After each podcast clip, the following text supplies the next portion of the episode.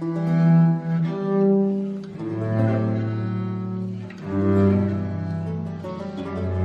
Didik Freud.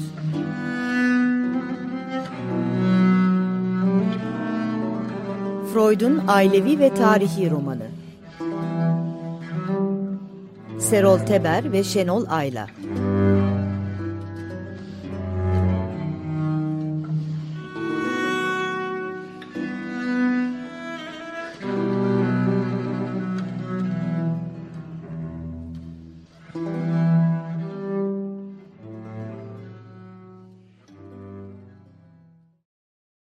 Herkese merhabalar. Ufak bir gecikmeyle e, yayınımıza başlayabildik. İzleyenler, dinleyenler lütfen affetsinler. Bugün çok özel bir etkinlik için, e, bir sohbet için burada toplandık. E, geçtiğimiz pazar Dünya Radyo Günü'ydü. E, bu kutlamayı biz Açık Radyo olarak bir haftaya yayarak e, bu radyo gününü kutladık ve kutlamaya devam ediyoruz. Ee, uzun zamandır fiziksel olarak dinleyicilerle ve izleyicilerle buluşamadık, bir araya gelemedik. Etkinlik ve e, radyo şenliklerini de yapamadık ve ertelemek zorunda kaldık malum sebeplerden dolayı. E, bugün Gençay Gürsoy ve Şenol Aile ile birlikte Robinson Crusoe Kitabevi'ndeyiz. E, buradan yayınımızı çevrim içi yapıyoruz. Yine aynı sebeplerden ötürü. E, yakın zaman önce e, bildiğiniz gibi, radyo dinleyicilerin çok iyi bildiği gibi... E, çok sevilen programlarımızdan Didik Didik Freud programını kitaplaştırdık. Ve arşivimize bu programın kitabı da eklenmiş oldu. Bugün de e, bu vesileyle aslında bir araya geldik. E, Freud'u çok konuştuk. Freud'u hala dünya da çok konuşuyor. E, Serol Teber'in bu konuda nefis bir tespiti var. E, ne kadar konuşursak konuşalım Freud'u bitiremeyiz ve onu tüketemeyiz e, diyordu. Çok haklı. E, fakat biz bugün daha çok Serol Teber'in e, çalışmalarını, hekimliğini ve Serol Teber'i e, Freud'a götüren güzergahlar üzerine e, bir etkinlik yapacağız. Aslında birazcık Serol Teber'i didiklemiş olacağız bu sohbetimizde. Serol Teber çok önemli çalışmaları olan bir bilim insanı, bir hekim. Buna karşın eserleri ve kişiliği üzerine çok fazla yazılıp çizilmiş biri değil. Üzerinde bir gizem halisi var. E, sözü de çok uzatmadan e, konukları tanıtarak e, onlara bırakmak istiyorum sözü. Bir yanımda radyo dinleyicilerin, açık radyo dinleyicilerin çok çok e, yakından bildiği, radyoda da pek çok e, harika programı olan Şenol Ayla var. Şenol Ayla Didik Didik Freud'u Serol Teber'le birlikte e, hazırlayan yapımcılarından. Diğer yanımda Çapa Nöroloji Kliniğinde Serol Teber'le uzun yıllarını geçirmiş olan dostu, meslektaşı Gençer Gürsoy var. Ee, sözü Gençer e, Hoca'ya bırakmak istiyorum. Bize o yıllarda nasıl bir eğitim ortamı içinde olduklarını, nasıl dostluk kurduklarını ve o dönemin ruhunu e, bize biraz anlatmasını rica edeceğim. E, öncesinde bir hatırlatma da yapmak istiyorum. O etkinliğimiz çevrim içi olduğu için biraz zamanımız da kısıtlı. Burada izleyici ağırlayamadığımız için, dinleyici ağırlayamadığımız için e, Şenol Aileye ve Gençer Gürsoy'a sorularınız olursa bunları YouTube e, yorum kutucuklarına yazarsanız ben kendilerini aktarmaya çalışacağım. Evet, e, Serol Teber de geçmiş yıllar yani e, 45 dakikalık bir programa sığdırabilir miyiz bilmiyorum. Zor. E, Çapa Nöroloji değil, Çapa Psikiyatri Kliniği. E, Çapa Psikiyatri 1950'lerin sonlarında kuruldu. Türkiye'deki e, akıl hastaneleri geleneğinin aşağı yukarı iyi örgütlenmiş ikinci e, kurumudur. Birincisi Bakırköy. İlk defa e, hani tırnak içinde tımarhane e, Osmanlı tımarhane geleneğinden açık hastaneye e, geçiş arkasından da biraz daha Avrupa psikiyatrisiyle hemhal olmuş hocaların e, kurdukları yine tırnak içinde modern bir psikiyatri kliniği. Modern diyorum ama kapıları kilitli. Daha o zamanlar başlamış olan açık sistem henüz geçmiş bir e, kurum değil. E, binayı e, İhsan Şükrü Aksel, Profesör İhsan Şükrü Aksel aslında ordinarius demek lazım. O dönemlerde böyle bir Vardı, e, evet. ek titr vardı biliyorsunuz. E, daha çok yanlış hatırlamıyorsam Alman psikiyatrisi ekolünden yetişme Blöler'in falan yanında beraber kalmış bir insan. Şarko'yu Marko'yu geçmişte dolaylı olarak tanıyan yani iyi bir organikçi, patoloji ağırlıklı e, yayınları olan bir e, hocamızdı. Onun kurduğu psikiyatrik kliniği böyle üç kat üzerine e, kapıları demirden, pencereleri işte e, yine demir kafesli. E, bir şey, e, ona ne derdik bir ismi vardı ama unuttum doğrusu. Böyle e, kapı kulu, kulpu gibi ikili bir şey. Kapıları ondan açardık. Siz onu cebinizde taşıyordunuz Cebimize herhalde değil mi? taşırdık, evet. Tabii. Ha- Girip çıkmak hastaların için. öyle bir şey alet edinmesi çok kolay bir şey ama nedense Edinmiyorlar. edinmiyorlardı. Ee, çok şey bir hastaneydi. Psikiyatri böyle e, Bakırköy biraz daha böyle her sınıftan insanın gelip kaldığı biraz ekonomik bakımdan dar gelirlerin e, diyelim akıl hastanesiydi. Çapa biraz daha böyle e, tanıdık insanlar, okur yazar takımının şeyleri. Çok ilginç hastalarımız vardı. E, hastalarımız vardı derken ben nöroloji uzmanlığım sırasında Serol'la e, beraber oldum. Serol psikiyatri, ben nöroloji yapıyordum ama o zamanlar nöropsikiyatri beraberdi. Nöropsikiyatriydi değil mi? Yani uzmanlık alanımız ortaktı. Ee, hatta yani ben nöroloji ağırlıklı nöropsikiyatrım. Serol psikiyatri ağırlıklı nöropsikiyatridir. Ee, Birçok şeyimiz, e, eğitim dönemlerimiz beraber geçti. Çok ilginç hastalar vardı. Ee, mesela şeyi hatırlıyorum. Fali Rıfkı Atay'ın diplomat bir oğlu, kronik şizofren. Ee, bir ressam Nejat Bey, soyadını hatırlamıyorum ama çok iyi bir ressamdı. Ee, bir de şeyin e, öteki e, yani klasik e, kliniklerden farklı olarak bir resim atölyesi vardı. Şeyin, e, hastanenin. En alt katta En mıydı alt katta, hocam? evet. Bodrum'da. Ben de Çapa'da okuduğum için oraya e, girme ve orada Gidiyorsun, ders değil mi? yapma, ders görme şansına eriştim. O resimlerin de bir kısmını görme şansına Evet. eriştim. Sonradan onu şey e, son dönemde kaç yılıydı hatırlamıyorum. Bir e, sergi açtılar o resimlerle. Hatta kitap haline getirdiler. Olcay galiba Olcay yaptı. Hoca ön ayak olmuştu Olcay hatırlıyorum. ön ayak olmuştu. Şimdi o e, psik- resim laboratuvarında Serol'la sık sık giderdik oraya. Serol e, psikiyatriyle e, böyle bir o dönemde hani analitik psikiyatriyi temsil eden bir hocamız da yoktu. Daha çok patoloji ağırlıklı, organik oryantasyonlu hocalar vardı. Ee, Serol ama sık sık hastalardan bahsederdi. Yani kendi baktığı, ilgilendiği hastalardan bah- bahsederdi. Ee, şeyin e, resim atölyesinde e, bu mesela e, Fahri Rıfkı Atay'ın oğlu e, Mina Hanım'ın Mina Urgan o zaman bizlerin de e, yakını olmuştu. Onun e, üvey kardeşi. İşte her hafta Mina Hanım gelir.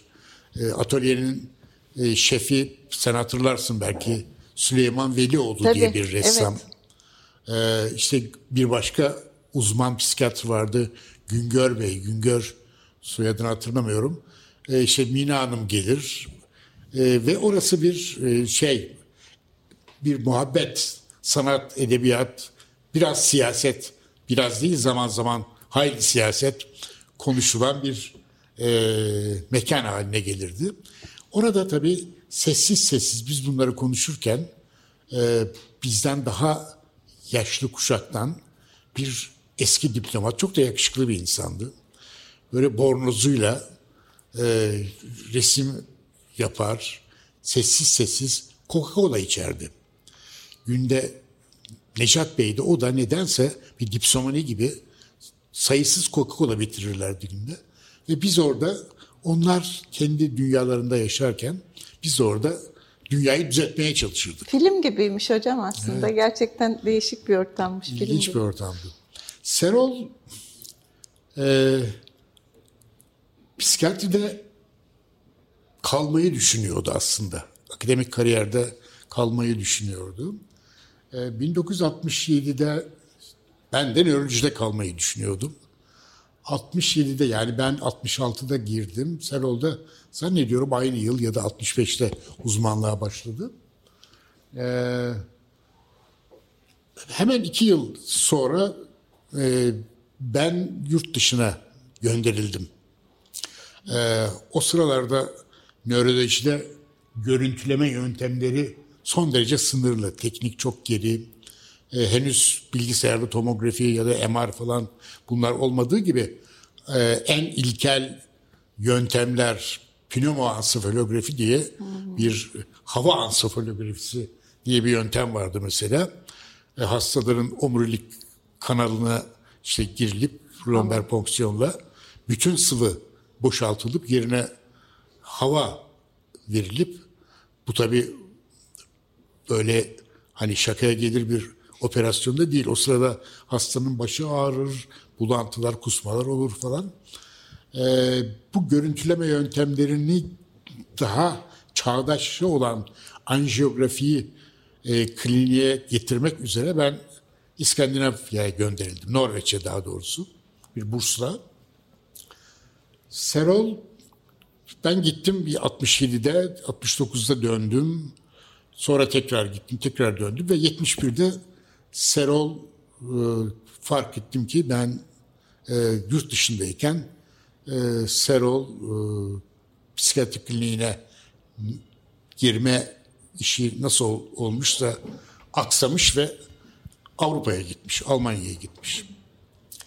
Ee, ondan sonraki Serol e, bambaşka bir insan olarak döndü. Elinde bir kitap, kendi yazdığı ilk yayınıdır. Ee, davranışlarımızın kökeni. Yani evet. Ee, son derece e, iyi hazırlanmış. Böyle e, o dönemde sıkça tartışılan işte Darwin evolüsyon teorisi e, ve işte e, insan psikisinin gelişmesi, konuşma ve benzeri e, psikiyatrik ve nörolojik işlevlerin nöral temeli üzerine yazılmış çok öğretici, çok kolay okunan bir kitaptı ve 1975'miş hocam çıktığında. 75 değil mi? 75'miş. Onu izleyen birbiri arkasına her gelişinde Serol e, bir yeni kitapla Türkiye'ye döndü.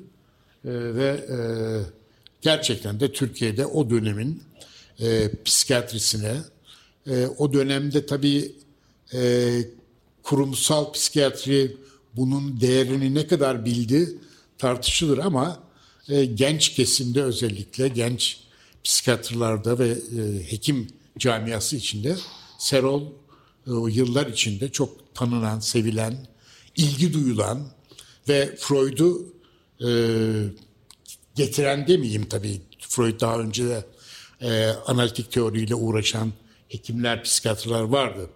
Mesela e, Koptagel, e, Cerrahpaşa'dan sen tanırsın Evet herhalde. evet. O Almanya'da o da e, kendi, kendi çapında e, analitik psikiyatriyi Türkiye'ye getiren biriydi. Yani Serol e, daha sonra e, popüler tıp kültürü, psikiyatri kültürü üzerine de çok önemli çalışmalar yaptı ve e, yıllar sonra e, şeyin e, siz, Açık Radyo'nun Didik Didik Freud programı o zamanlar çok ilgi uyandırmıştı. Sonunda kitap çıktı Evet. ve ben yıllar sonra o kitabı e, böyle sökmeye çalışıyorum. Şu sıra gözlerim bir makula dejenerasyonu nedeniyle çok iyi görmüyor ama e, yakınlarda bitirdim. Çok değerli bir çalışma oldu. Okuduğunuza sevindim ben de. Evet. Ee, 17 sene olmuş hocam bunu e, 17 radyoda yaptığımızda. Evet. Ee, benim Gencay Hoca'ya soracağım bir soruyu siz kendiniz e, anlattınız. E, ben Serol Teber gibi farklı disiplinleri bir araya getiren, e, akademide çok alışık olmadığımız bir dönemde bu kadar farklı disiplin şu anda e, Çağdaş Akademi'de böyle bir yaygın bir eğilim var ama o dönemde e, çok aslında e, sıra dışı bir şey miydi acaba sizin için onu merak ediyordum. Ve pek çok insana çok boğucu gelen konuları çok zevkle, indirgemeden, genellemeden ama harikulade bir şekilde anlatması Serol Teber'in aslında alameti farikalarından bir tanesi sanıyorum. Aynen öyle. Serol tabii şey e, hem bu Açık Radyo'daki programda ve e, yazılarında şöyle bir sıcaklık yakaladı. Nasıl yakaladıysa e, bir kere şey yani Freud üzerine hepimizin çok meraklı olduğu dedikodu faslını da literatüre sokan bir uslup kullandı. Yani didik didik Freud demek gerçekten Freud'un o kitapta da yani neredeyse hani gizli kapaklı hiçbir tarafı kalmamacasına didik didik edilmiş bir hayat. Şimdi bugün biz tabii Serol'u didik didik etmeye kalkarsak işler biraz karışabilir. Ee, o ölçüde olmasa bile e, Serol e, mesela şeyleri e, Freud'u anlatırken, Freud'un özel hayatını anlatırken e, hakkında çok yazılmış malum. Freud binlerce kitap yazılmış ve e, özel hayatıyla ilgili de çok yayınlar olan bir insan. Nitekim Fikret'in de öyle. Daha sonraki Serol'un e, ilgi alanına giren e, Tevfik Fikret'in de hakkında daha yakınlarda 700 sayfalık bir kitap çıktı. Şimdi kimin kitabıydı hatırlamıyorum. Diyeceğim şu yani e, Serol e, tanıklık etmişçesine bir uslupla anlatırdı. Bunlar tabii ki yani nakil edilen bilgiler ailesiyle ilgili olanlar dahil. Ama Serol sanki e, gitmiş aileyle konuşmuş ve e, olayın geçtiği anda köşeden izliyormuş e, şeyini e, sıcaklığını veren bir anlatım tarzı vardı. Konuşurken de bunu fark ediyorum. Tabii bu arada e, Şenol Aylı'nın e, şahane soruları Serol'u e, zaman zaman böyle e, konu dalıp gittiğinde e, şeye e, Teşekkür ederim. Hakikaten şey gibiydi o masa tenisi gibiydi biraz da aslında. Çok çok e, ilginç, güzel bir evet. süreçti. Evet. Ee, iznin Şenol'a da bir soru yöneltmek istiyorum ben. Siz Serol Teber'le beraber Freud'u didiklediniz.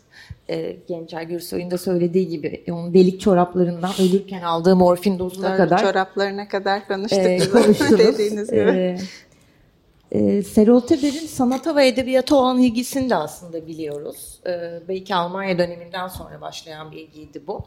E, şeyi de biliyoruz, Freud'a yakınlaşmak için onunla neredeyse aynı ruh haline, o sürgün psikolojisine girdiğini, e, neredeyse onunla özdeşleştiğini, onun e, Freud'un beslendiği kaynakları e, kerelerce ziyaret ettiğini. E, ben şeyi merak ediyorum aslında, Serol Teber'in kültür e, alanından, sanat alanından, edebiyattan e, beslendiği konular, eserler, yani Serol Teber nelerden etkilenir? Çünkü Gence Hoca'nın anlattığı Serol Teber'in e, az önce bahsettiği Almanya öncesi dönemi sizin tanışıklığınız aslında Türkiye'ye tekrardan yerleşmeye evet. çalıştığı bir dönemde.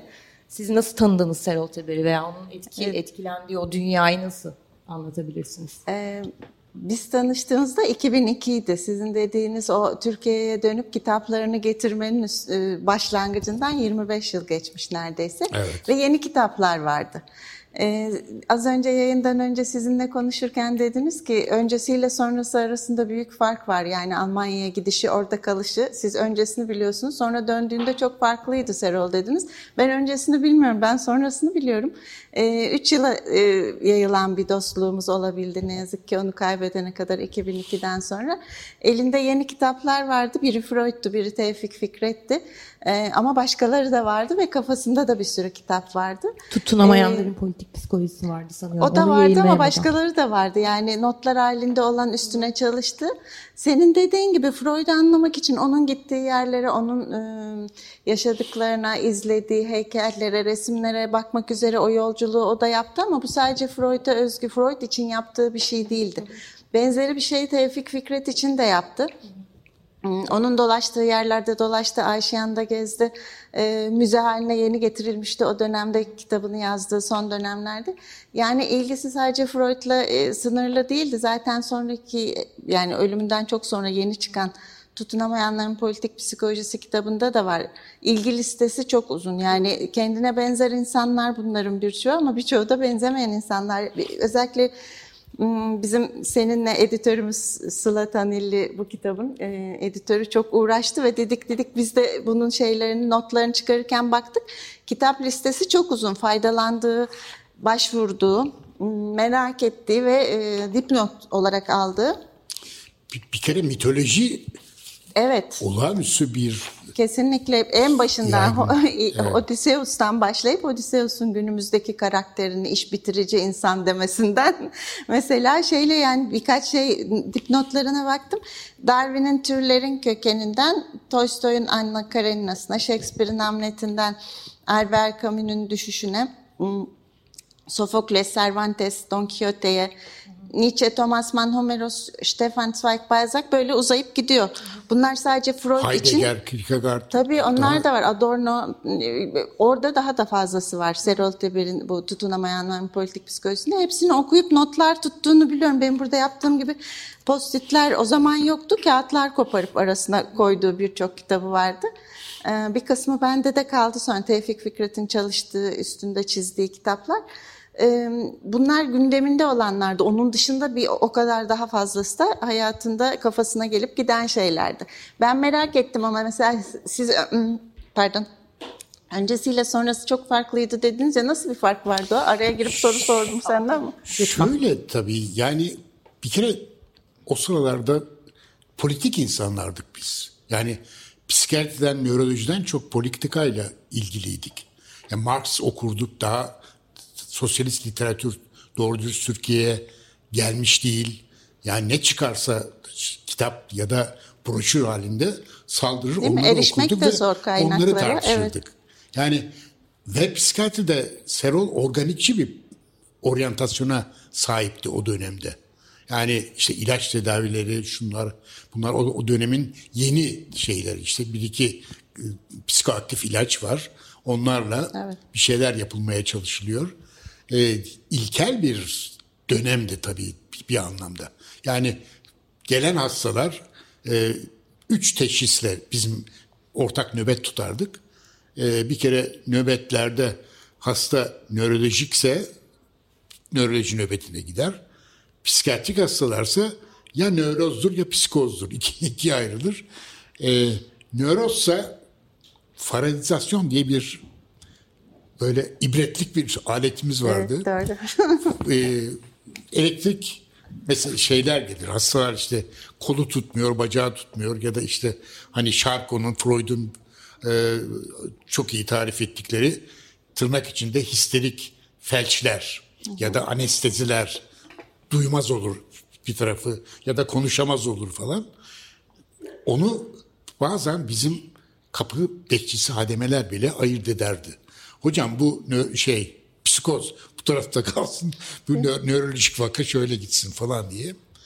Onlara yani nöbet koşulları içinde işte dinleriz ne nedir ne değildir falan diye. Ee, kolunda diyelim ki felç var.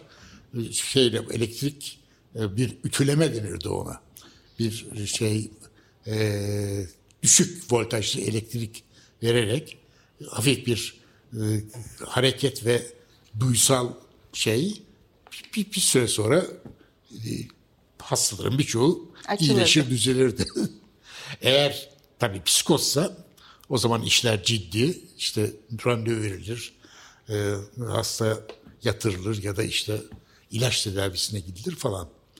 E, psikiyatride o dönemdeki e, hocalardan bazılarının mesela e, insülin şoku diye bilmiyorum sen psikiyatriyle ilgilisin. Hiç böyle bir şey duydun mu? Duydum. Ee, Şok hatta e, bir röportajında Atilla İlhan anlatmıştı. Kendisine kimin yaptığını söylemişti insülin şokunu. Hani Selim Ayhan? Songar vermiş askerlikte Ay- ona. aynen. Ayhan Songar vardı. Selim e, Bey diye bir psikiyatr vardı. E, insülin vererek hastayı e, hipoglisemi komasına sokarlardı. evet. Yani Sonra da glikozla çıkarıp sonra da glikozla çıkarıp hani şeyi bilinci silip tekrar e, düzenlemek Evet. gibi bir e, şey sıradan bir yöntemle e, bunlarla Serol uğraşırken 71'de gitti ve Freud'u keşfederek geldi. Yani onu ben yani Freud'u tabii tanıtması çok önemli bir şey ama bu kadar Freud hayranlığını ben, ben çok iyi anla- an- anlamıyorum. Yani Freud o kadar da hayran olacak bir kişilik değil. Ee, yazıp çizdikleri önemli tabii ama yani e, hani Freud dünyaya çok önemli bir ufuk açtı tabii. Bilim, insanoğlunun, insan cinsinin, insan e, ruhunun e, derinliklerini, arkeolojisini falan çok iyi yaptı, tanıttı falan ama e, söylediği her şey, teorisi doğru muydu? Benim kuşkum var. Tabii ki, tabii yani ki, doğru. e, her şeyi libidoyla açıklayan bir e, teorinin e, çok zaafları var. Üstelik yani kendi hayatı içinde de e, o kadar çok marazi dönemler geçirmiş ki bunların e, ister istemez teoride biraz fazla çubuğu büktüğü izlenimi bende hep vardır. Başkaları da bu konuda e, ya benim tabii bunu haddim olmayarak söylüyorum. Freud'un teorisine laf söyleyecek insan ben değilim tabii ama böyle eleştiriler de biliyorsun çok Tabii. sayıda vardır. Bana ama Serol pardon Tabii şiitliği yani e, ilgilendiği e, her insanı aynı zamanda sevdi. Çok tuhaf bir yani o doğru. o, evet. böyle bir şeyi var. Ama e, bana kalırsa benim gördüğüm o süre içinde yani çok yoğun bir pro- yo- radyo programı geçirdik. Onun dışında da öncesinde bu kitabı yani bunu değil bilimsel bir peri masalını hazırlıyordu. Onun notları üstüne çalıştık. Benim bir e, Freud'la ilgili derin bir bilgim değil yani çok güzel bir bilgim vardı. Onunla o konuşmalara girebilmek için çok çalışmam gerekti öncesinde. Onun verdiklerini okudum, notlar okudum, çıkardım. Ona bir şeyler sordum. Benim gördüğüm hayran değildi o Freud'a. Onun beğendiği şey e, onun açtığı kapılardan girip içeri bakmaktı. Aslında başka meraklara yol alıyordu orada. doğru, tabii, tabii. İşte dinle ilgili düşüncelerini, nörozlarla ilgili düşüncelerini, insanın e, ev, sanayileşip topluma katıldıktan sonraki sıkıntısını, melankolik yaşantısını, orada kendisiyle özdeş bulduğu şeyler vardı. Ama e, yani bir, bir hayranlıktan çok onun açtığı yolda merak peşinde koşuyordu. Ben öyle gördüm. Burada yaptığı şey de yani onu didiklerken e, ön sözünde de diyor, ön sözünde de ilk programda diyor. Aslında biz bu programla e, Freud'u didiklemeye çıktığımızda bakalım nerelere gideceğiz. Çünkü e, aslında insan yola çıktığında gemiye binip e, Hindistan'a gidiyorum diye Amerika'ya giderse bu Ha, doğru, hoş bir evet, yanılsamadır. evet. Ama yok Hindistan diye çıkıp giderse yazık olmuştur. Bizde öyle oldu aslında. Sonrasında başka programlar yapmaya kalkışmamız da onun içindi. Bir laf bir lafı açıyordu. Başka bir karakter geliyordu aklımıza. Bir roman geliyordu. Bir sinema geliyordu. O merak hali hoş geliyordu bence. Sadece Freud e, değildi burada hoş olan bana kalırsa diye düşünüyorum. Çok iyi. Yani şeyin e, analitik teoriyi e, ben kitaptan ve konuşmalarından e, onu benimsediğini anlıyorum. Doğru değil mi? Evet o doğru. Evet, evet. evet. Yani bu, bu biraz benim çok yani Anladım. katıldığım bir şey değil. Yani psikiyatri analitik teoriden ibaret değil. Ayrıca bugün Amerika'da uygulanan işte davranışçı ekoller bilmem işte bu psikanaliz falan hakikaten e, yani günümüzün psikiyatrisinin Amerikan psikiyat- psikiyatrisinin e, çok da böyle e, mata bir şey olmadığı izlenimindeyim ben. Ee, ben bir şey eklemek istiyorum. Aslında çok hoş bir tarihte bıraktınız az önceki e, cümlenizi. Benim e, sesim doğru geliyor değil mi? Ee, Serol Teber 70'lerde Freud'la döndü elinde e, gibi. Ee, ben de aslında Serol Teber'e dair merak ettiğim de bir şey var. Katılır mısınız bilmiyorum. 70'lerde Almanya iş, işçi göçlerinin olduğu dönem e, Serol Teber e, göçmenlik üzerine ve e, oradaki davranış bozuklukları üzerine çok önemli kitaplar kaleme alıyor. İşçi göçü ve davranış bozuklukları, göçmenlik yaşantısı ve kişilik değişimi gibi kitaplar. 90'lı yıllarda da bunu işkence sonrası yaşam, toplama kampı sendromu, ruhun ölümü kitapları takip ediyor. Az önce siyasiydik yani siyasi bir e, duruştan evet. bahsetmiştiniz. E, ben de diyorum ki Teber yani Serol Teber üzerine çalıştığı konuların özneleri olan insanlarla aslında çok ciddi bir dayanışma ilişkisine giren bir hekim ve aslında bu siyasi varlığı e, onun e, hekimliğinden daha önce yani o, o kimlik ve o dayanışmacı e, kimliği aslında hekimliğinden önce mi geliyor? Çünkü kendisinin bir yerde bir söyleşisinde ben aslında iyi bir hekim olamadım e, gibi bir demeci de var. E, Çok doğru hatırlattın evet. Bu, yani bu tutumu yani bu bugünden e, o tarafa bakınca yani bugün devam eden bir şey midir bilmiyorum. Çünkü bugün artık hekimlik mesleği belki başka bir şekilde icra ediliyordur. Onu çok siz çok daha iyi bilirsiniz ama Serol Teber'e e, dair böyle bir e, görüşüm var. Çok doğru, çok iyi hatırlattın. Serol e, bir çevrenin insanıydı aynı zamanda. Yani Almanya'da ben gidip ziyaret ettim. Oradaki ortak arkadaşlarımızla sürekli temasımız oldu. Serol hiçbir zaman e, bir sosyalist olarak e, Türkiye'den den Almanya'ya göç etmiş işçilerle teması ona bambaşka bir ufuk açtı ve o konudaki çalışmaları gerçekten bence yani en az Freud e, didiklemesi kadar önemli ve değerli kitaplardır onlar e, ve kalıcı olan tarafları da onlardır. Yani çok Freud hayatı yazıldı, çizildi.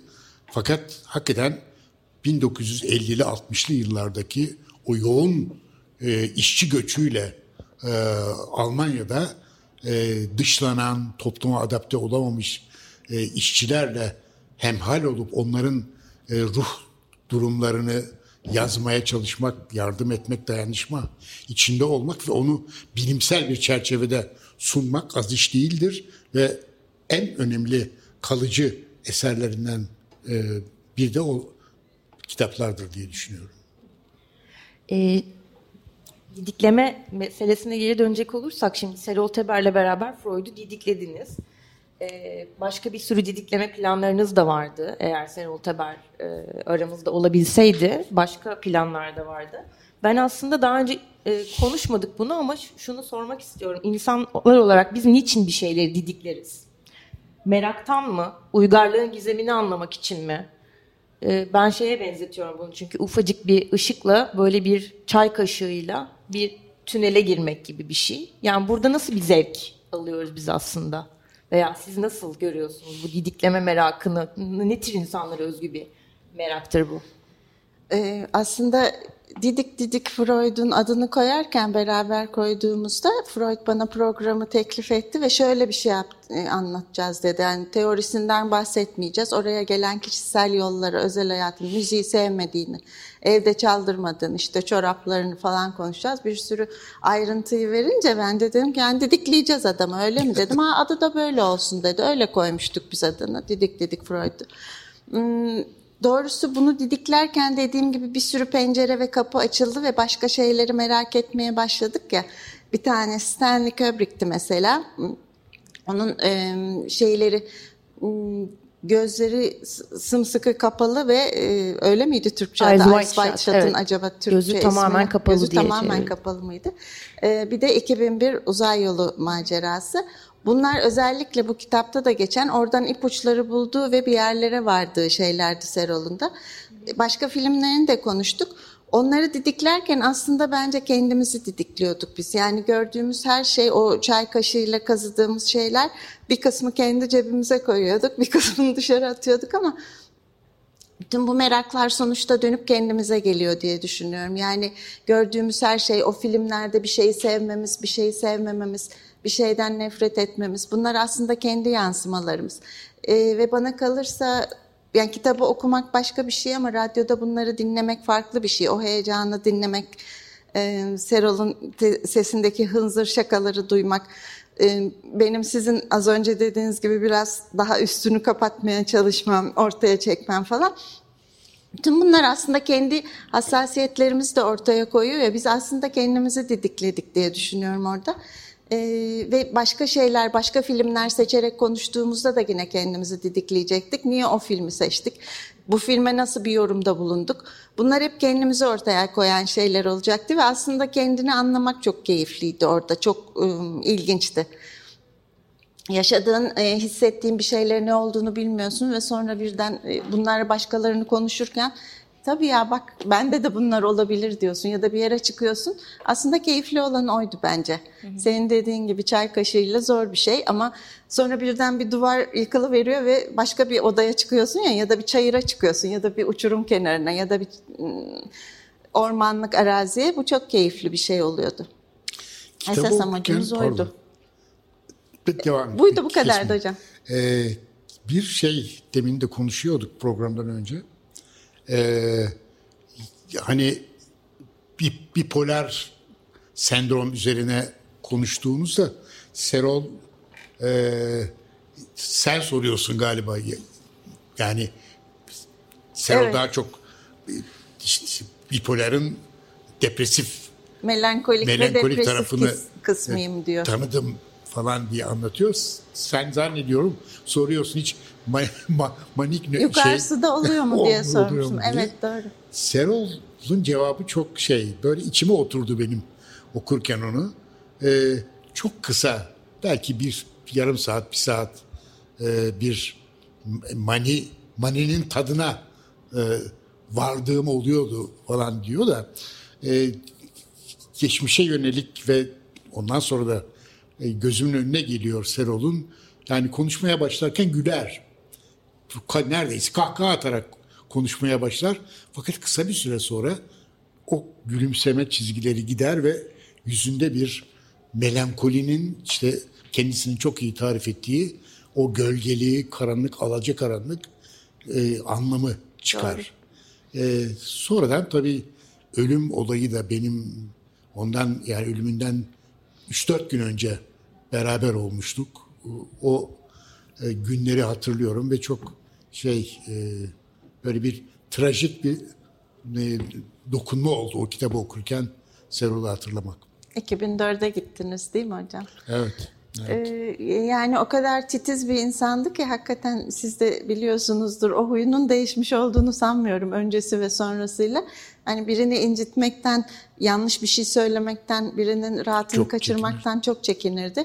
E, hatta böyle ben gelsin diye e, benim odama böyle birlikte çalışacağız diye ofisime heyecanla beklerdim ama o gelince mesela beş dakika erken geldiyse dışarıda beklerdi. Ben fark, ne yapıyorsun orada gelsin? Ya daha erken derdi ve böyle bu beni çok e, etkilerdi. Ben seni bekliyorum ne kadar önemli girseydin ne şey yok yok ben beklerim burada. Zorla getirirdim oturturdum. Ve o um, hassasiyetleri de e, insanın çok, çok e, yaralanmasına da yol açıyor bir yandan da aslında diye düşünüyorum. Her şeyi fark ediyorsunuz. Bizim görmediğimiz sokaktaki canı acıyan çocuğu da evet yaralı kediyi de ne bileyim yanlış giden şeyleri de siyasetleri de yani her şey yara gibi de yaşıyor insan bir yandan da. Evet. O şeyi hatırlıyorum e, gülerek başlamasına ama aslında bu ironik bir gülüş oluyordu. Biraz sonra şeye dönüşüyordu. Aslına hmm, dönüyordu. Evet. evet. Melankoliye ve düşüşe geçiyordu. Hakikaten demişti ben de biliyorum keşke olsa o maniler daha çok olsaydı hmm. ama bende öyle bir şey yok demişti. Hatırlıyorum. Şey diyecektim o titizliği nedeniyle de yani programı bitirene kadar da hayatta kaldı diye düşünüyorum. Hani hakikaten çok o kadar titiz bir insandı. Bunu bitirdik evet. ama öbür programı yapamadık ömrü yetmedi. Hakikaten benim de çok üzüldüğüm, çok e, hala çok üzüldüğüm kayıplardandır Genç Hocam. Siz de Eşiyle, yakınıydınız hatırlıyorum. Çok. Ee, Semra ile konuştum bu ölüm dönemi, ölüm olayıyla ilgili nedir bilinen çünkü hiç yani akışı biraz bozar belki ama ben Semra 2004'ü Teber'den şehit söz ediyoruz değil mi? Evet. Aha, tamam. Ee, işte bir kitap projesi için beraber olduk 2004 Kasım ayıydı değil mi şeyin? Evet, Kasım'da. ölümü? Evet. Kaçıydı hatırlamıyorum ama yani ölmeden 12 bilemedim bir hafta önce. Kasım 2004. Ee, Kaktüs'te Beyoğlu'nda bir kaktüs vardı Hmm, o zamanlar. Hala var mı bilmiyorum. Kaktüs'te oturduk ve şeyi e, Türkiye, Osmanlı ve Türkiye siyasi tarihinde hekimler diye bir e, şey e, proje hazırlamaya zaten tasarlamıştık. E, şey- şeyleri paylaşmaya başladık işte o zamanın Osmanlı döneminin Doktor Nazım'ı, İttihat Terakki'nin hekimleri, e, daha sonra işte Hikmet Kıvılcım'da sosyalist çevrenin hekimleri falan. Sonradan işte notlar tuttuk, ikimiz de aldık notları. E, ikinci buluşmamız bizi beklerken Serol'un ölüm haberi geldi. Semra şeydi diye anlattı şöyle cümleler hatırladığını söyledi.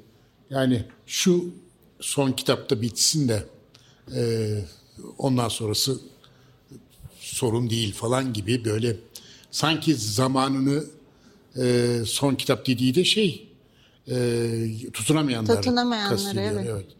E, ondan sonra yani işte belki bir iki proje daha yapıp hayat bu görevimi yapmış olurum falan anlamına gelen imalarda bulunduğunu Evet şimdi siz söyleyince hatırlıyorum ben de. Hafta içi biz de görüşmüştük Serol'la. Bu program bitti. Acaba işte m, bilmiyoruz seyirci, dinleyiciler ne diyor? Twitter yok, sosyal medya yok. Acaba beğendiler mi? Acaba güzel oldu mu? Hiçbir fikrimiz yok. Ben diyorum ki ya oldu bence ya fena değil diyorum. O diyor ki ha, oldum oldu oldu falan. Birbirimizi böyle teselli ederek geçmiş olsun bitti program. Dedim hani yeni yayın dönemi geliyor. Stanley Kubrick'i yapalım. Tabii tabii yapalım dedi. Haftaya geleceğim dedi. Ben de onun için notlar çıkarıyorum. Hakikaten e, şey onu konuşuruz, bunu konuşuruz. Biraz kafama göre bir, birkaç küçük şey aldım. Gelecek ilk şeyini çıkaracağız. Akışını çıkaracağız. Neleri konuşuruz diye. Perşembe günü benim ofisime gelecekti. Perşembe günü ben de sizin gibi haberini aldım. Hani onu beklediğime iki saat falan kala. Evet, Nasıl olabilir böyle bir şey diye. Yani hazırlanıyordu aslında böyle hevesleri e, ve şeyleri. Onu da yaparız, bunu da yaparız. Başka kitap var, tutunamayanlar çıkacak falan. Dipnotları doğru mu acaba? O kadar da yüksek bir e, şeydeyken evet. kaybettik hakikaten. E, Şeydi, Yani- çok şaşırtıcıydı. İşte melankoli üzerine çok yazıp çizdiği için böyle bir laflar çıktı. İntihar mıydı acaba diye. Ya sanmıyorum bana e, cuma günü hoşça kal deyip cep telefonu da yok ya. Tabii, tabii, Bekliyorum pazartesi 14 dediyse 14'e 5 kala bakıyorum ki gelmiş dışarıda bekliyor olmasın. Yani o derece e, çünkü söz verdiyse gelirdi o. yani evet. hele intihar falan hani onu bile ertelerdi böyle bir şey çünkü geleceğim demişti. Aynen hani öyle. öyle de titiz bir insandı. Ee, Ben çok size güzel. e, Serol Teber'in e, dostu olmanızın yanında bir hekim olarak aslında şunu sormak istiyorum. Çok da merak ediyorum. Serol Teber bir melankolikti belki. E, kendisi de aslında bunu Tabii, biraz tabii, kabul söylüyor, eder ve evet, söyler. Epey.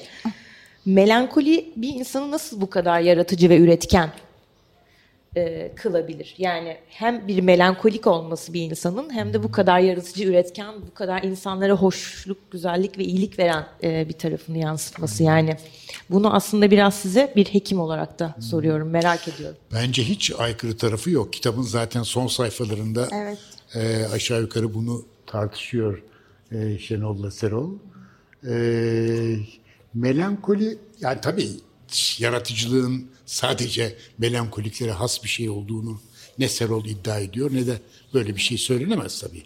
Ama yani hani varoluşumuzdaki tırnak içinde saçmalığı, anlamsızlığı ya da yani hayatın sınırlılığıyla bilincin sonsuzluğu arasındaki sıkışmış insanın eee, mutlaka bir şeyler yapması lazım. Yani o düşünce eee, bir kere içimize yerleşti mi oradan çıkış için yani buna yaratmak denmeyebilir. Ne bileyim ben belki işte e,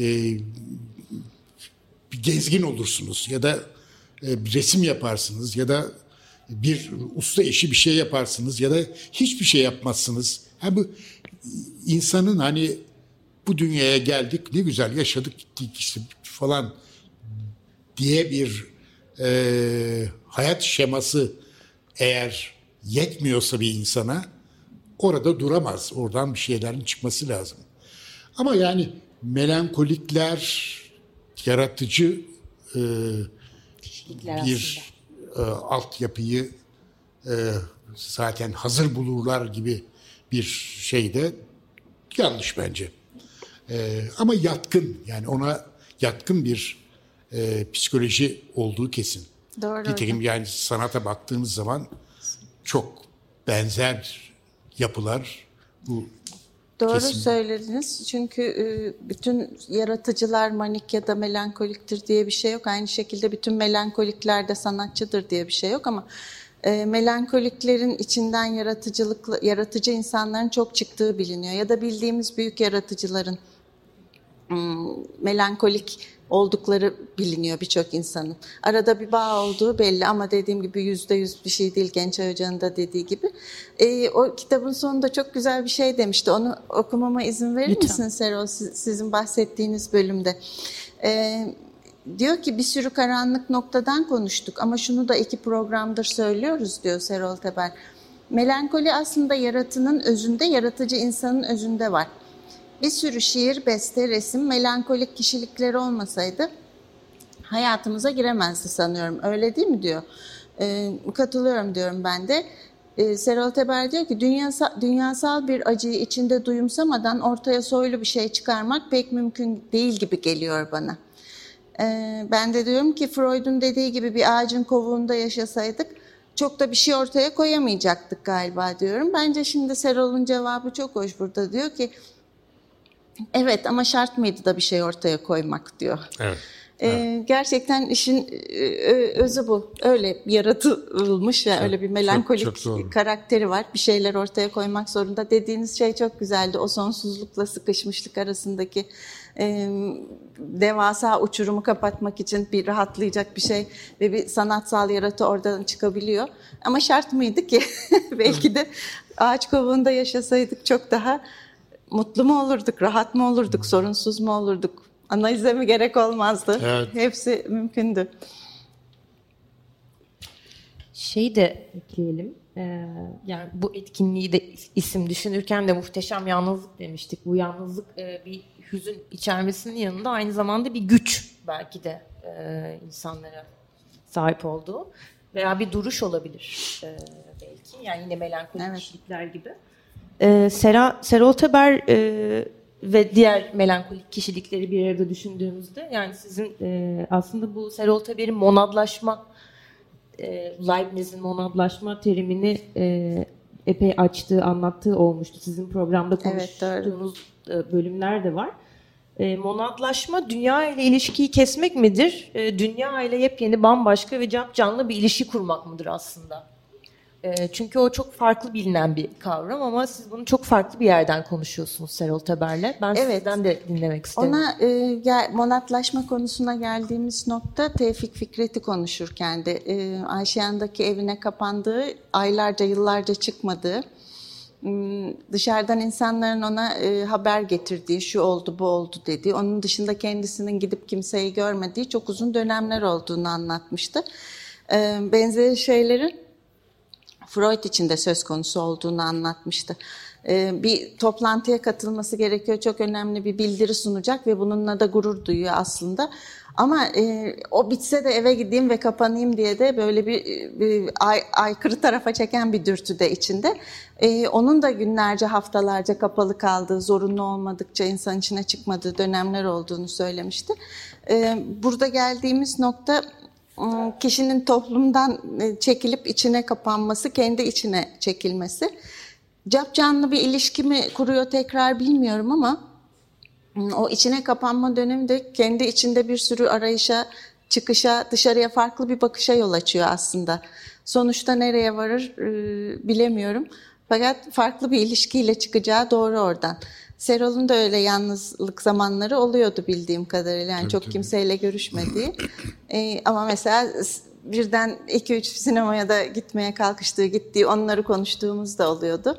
E, ama o kadar da her şeye hassas olan insan bunun Tevfik Fikret için de öyle. Gördüğü şeyler o kadar sıkıyordu ki kapıyı pencereyi kapatıp içeride oturuyordu. Yani Serol için de o söz konusuydu. Bazen o kadar üstüne üstüne geliyordu ki her şey o rahatsız eden şeylerden kaçıp içine kapanmak e, bir çözüm gibi de oluyordu. Bu etkinlik zaten e, bu bir saat, bir buçuk saat, iki saate sığabilecek bir şey değil. E, buna belki daha sonra devam da edebiliriz. Başka mecrada belki buna radyo üzerinden devam edebiliriz. Sizinle sohbet etmeye ve diğer planları konuşmaya. Olabilir belki. Şeyi e, e, radyo programını ve benimle ilgili benimle bu konuda yapılmış röportajları dinleyenler bilir. Tevfik Fikret de bizim bu Freud programının için Ömer Madra'nın isteğiyle girmişti. Öyle O mi? çok sevdiği için Tevfik Fikret'i ya bir kitabım var onu da program yapsanıza demişti. Ama zaten programın büyük kısmı ve yani bitmişti Freud'la e, doluydu.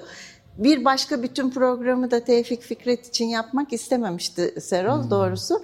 Hmm, Araya 4-6 program Tevfik Fikret e, yaptık. O da Ömer Madra'nın özel isteğiydi gerçekten.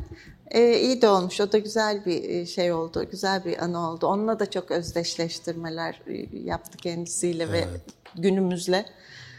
Ben Serol'un işte kitabı bitirdiğim o Fikret e, sayfalarını okuduktan sonra e, Türkçe ya günümüz günümüz Türkçesiyle sis şiiri vardır ya evet. meşhur şeyin. Onu bir buldum şeyden internetten. E, güzel de okuyor bir kim olduğunu bilmiyorum.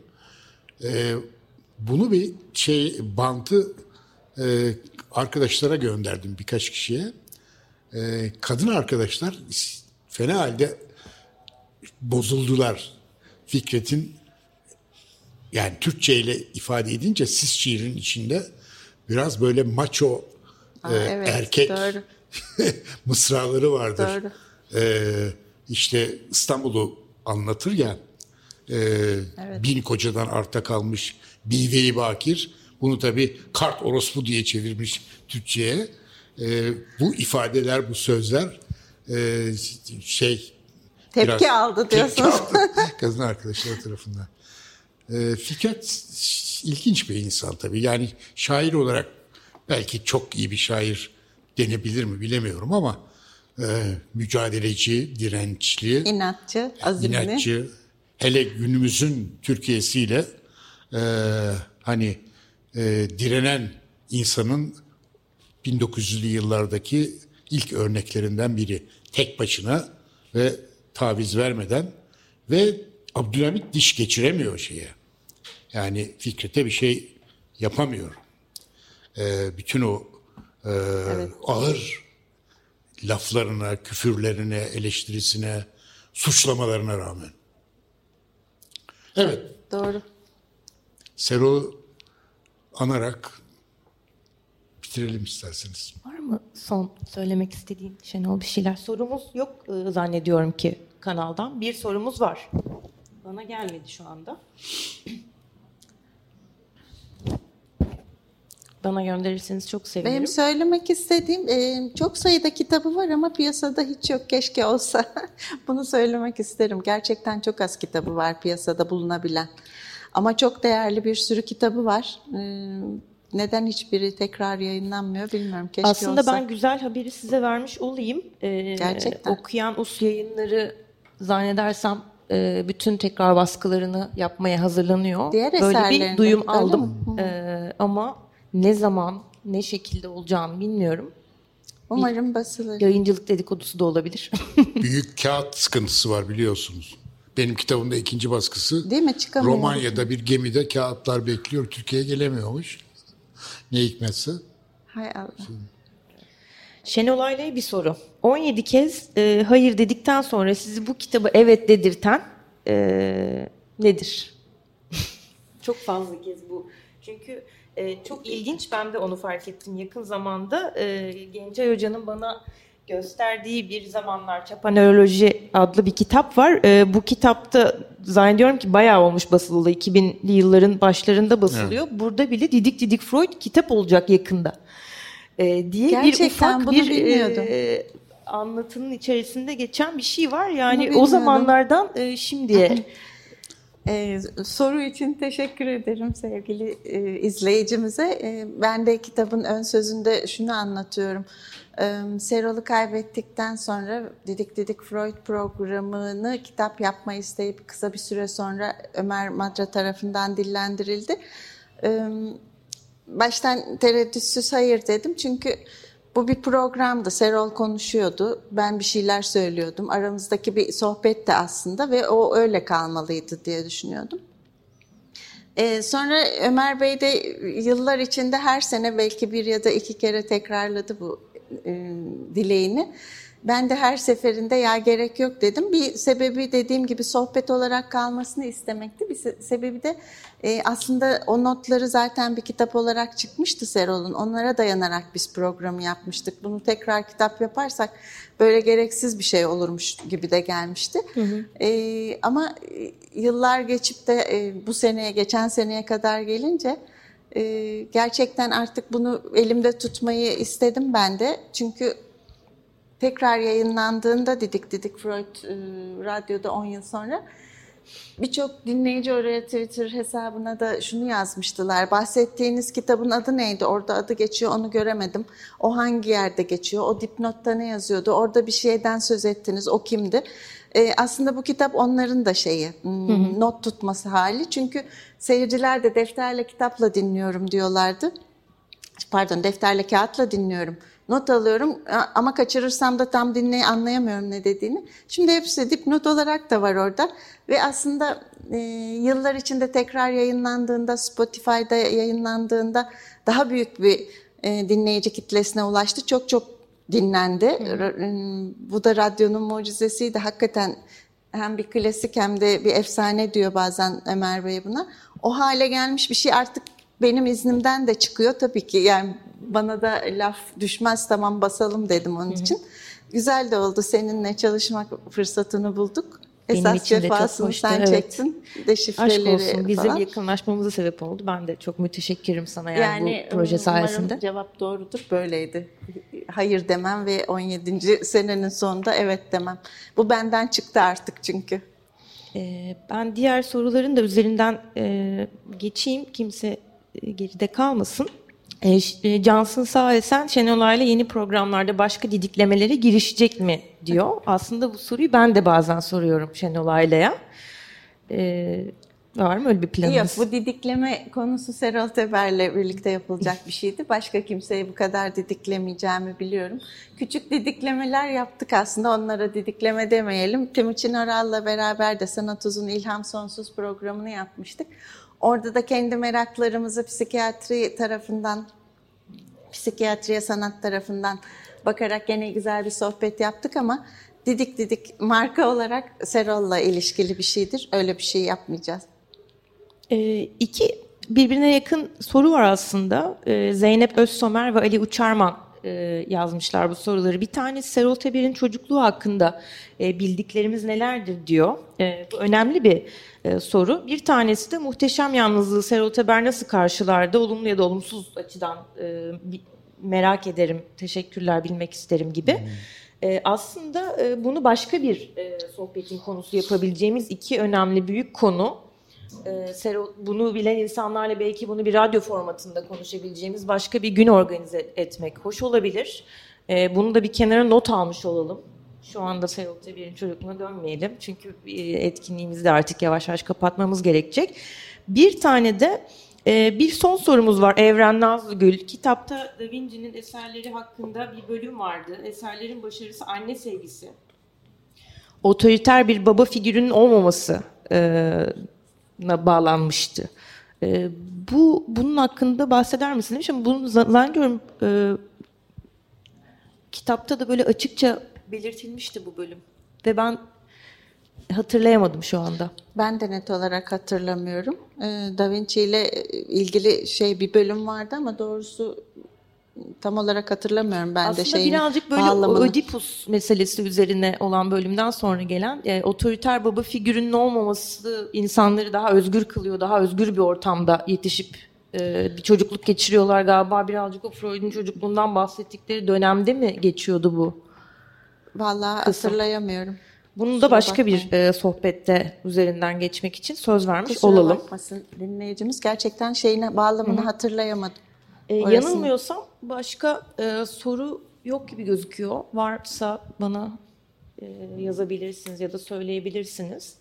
E, buradaki zamanımızı da tamamlamak üzereyiz aslında. E, radyo haftası ve Didik Didik Freud e, vesilesiyle biz bir araya gelmiş olduk. E, Serol Teber'i konuştuk. E, öncelikle ona çok teşekkür ederim tekrardan e, Serol Teber'e. E, Gençay Gürsoy ve Şenol Ayla'ya ben teşekkür etmek istiyorum. E, her şeyden önce. Ben de size Gençay Hocam yani yıllar sonra tekrar sizinle görüşmek ve Serol'dan konuşmak çok, Çok e, teşekkür. duygulandırıcı oldu benim için. Gerçekten e, güzel bir e, şey oldu benim için. Karşımda sizin oturmanızı çok e, hoşuma gitti. Sağ olun. Ben aslında ancak şimdi geçmişte en azından yer yer beraber olduğumuzu hatırlıyorum. Leyla'yı da anladım bu arada. Tamam analım tabii Leyla Erbil'in Leyla evinde Erbil'in tanışmıştık biz sizinle. Birlikte olduğumuzu. Evet birkaç kere onun harika yemeklerinde, mükemmel Ya, ev evet. sahipliğinde öyle bir şansımız olmuştu. Onu da analım gerçekten. E, ilginç bir etkinlik yapmaya çalıştık biz burada olarak e, konukların e, çevrim içi olarak biz dışarıdan izlediği. O yüzden e, dinleyicilere, bizi izleyen bugün e, insanlara da çok teşekkür ederiz. Robinson Crusoe Kitap Evi'ne bu mekanı bize açtığı için teşekkür edelim. E, bu yaptığımız bugünkü yayın daha sonra YouTube'a yüklenecek. İzleyemeyenler ya da daha sonra tekrar açıp bakmak, hatırlamak isteyenler için bunu da eklemiş olalım. E, Umarız yakın zamanda farklı etkinliklerde ve yan yana e, dinleyicilerle ve e, izleyicilerle belki ilk önümüzdeki radyo şenliğinde bir arada olabiliriz diye umalım. Böyle şeyler denemek zorunda kalmayıp hep beraber kucaklaşıp bir arada olabileceğimiz bir etkinlik hayal ediyorum ben artık ümit ediyorum. E, Umarız çok olur. teşekkürler. E, buradaki herkese de teknik arkadaşlara da çok teşekkür ediyoruz. Sana da teşekkürler Sıla. Çok teşekkür. Çok güzel bir sohbetti Serol'u benim için. anma fırsatı yarattığın için.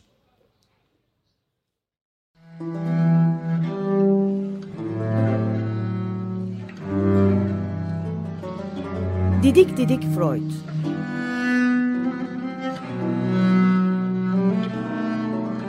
Freud'un ailevi ve tarihi romanı. Serol Teber ve Şenol Ayla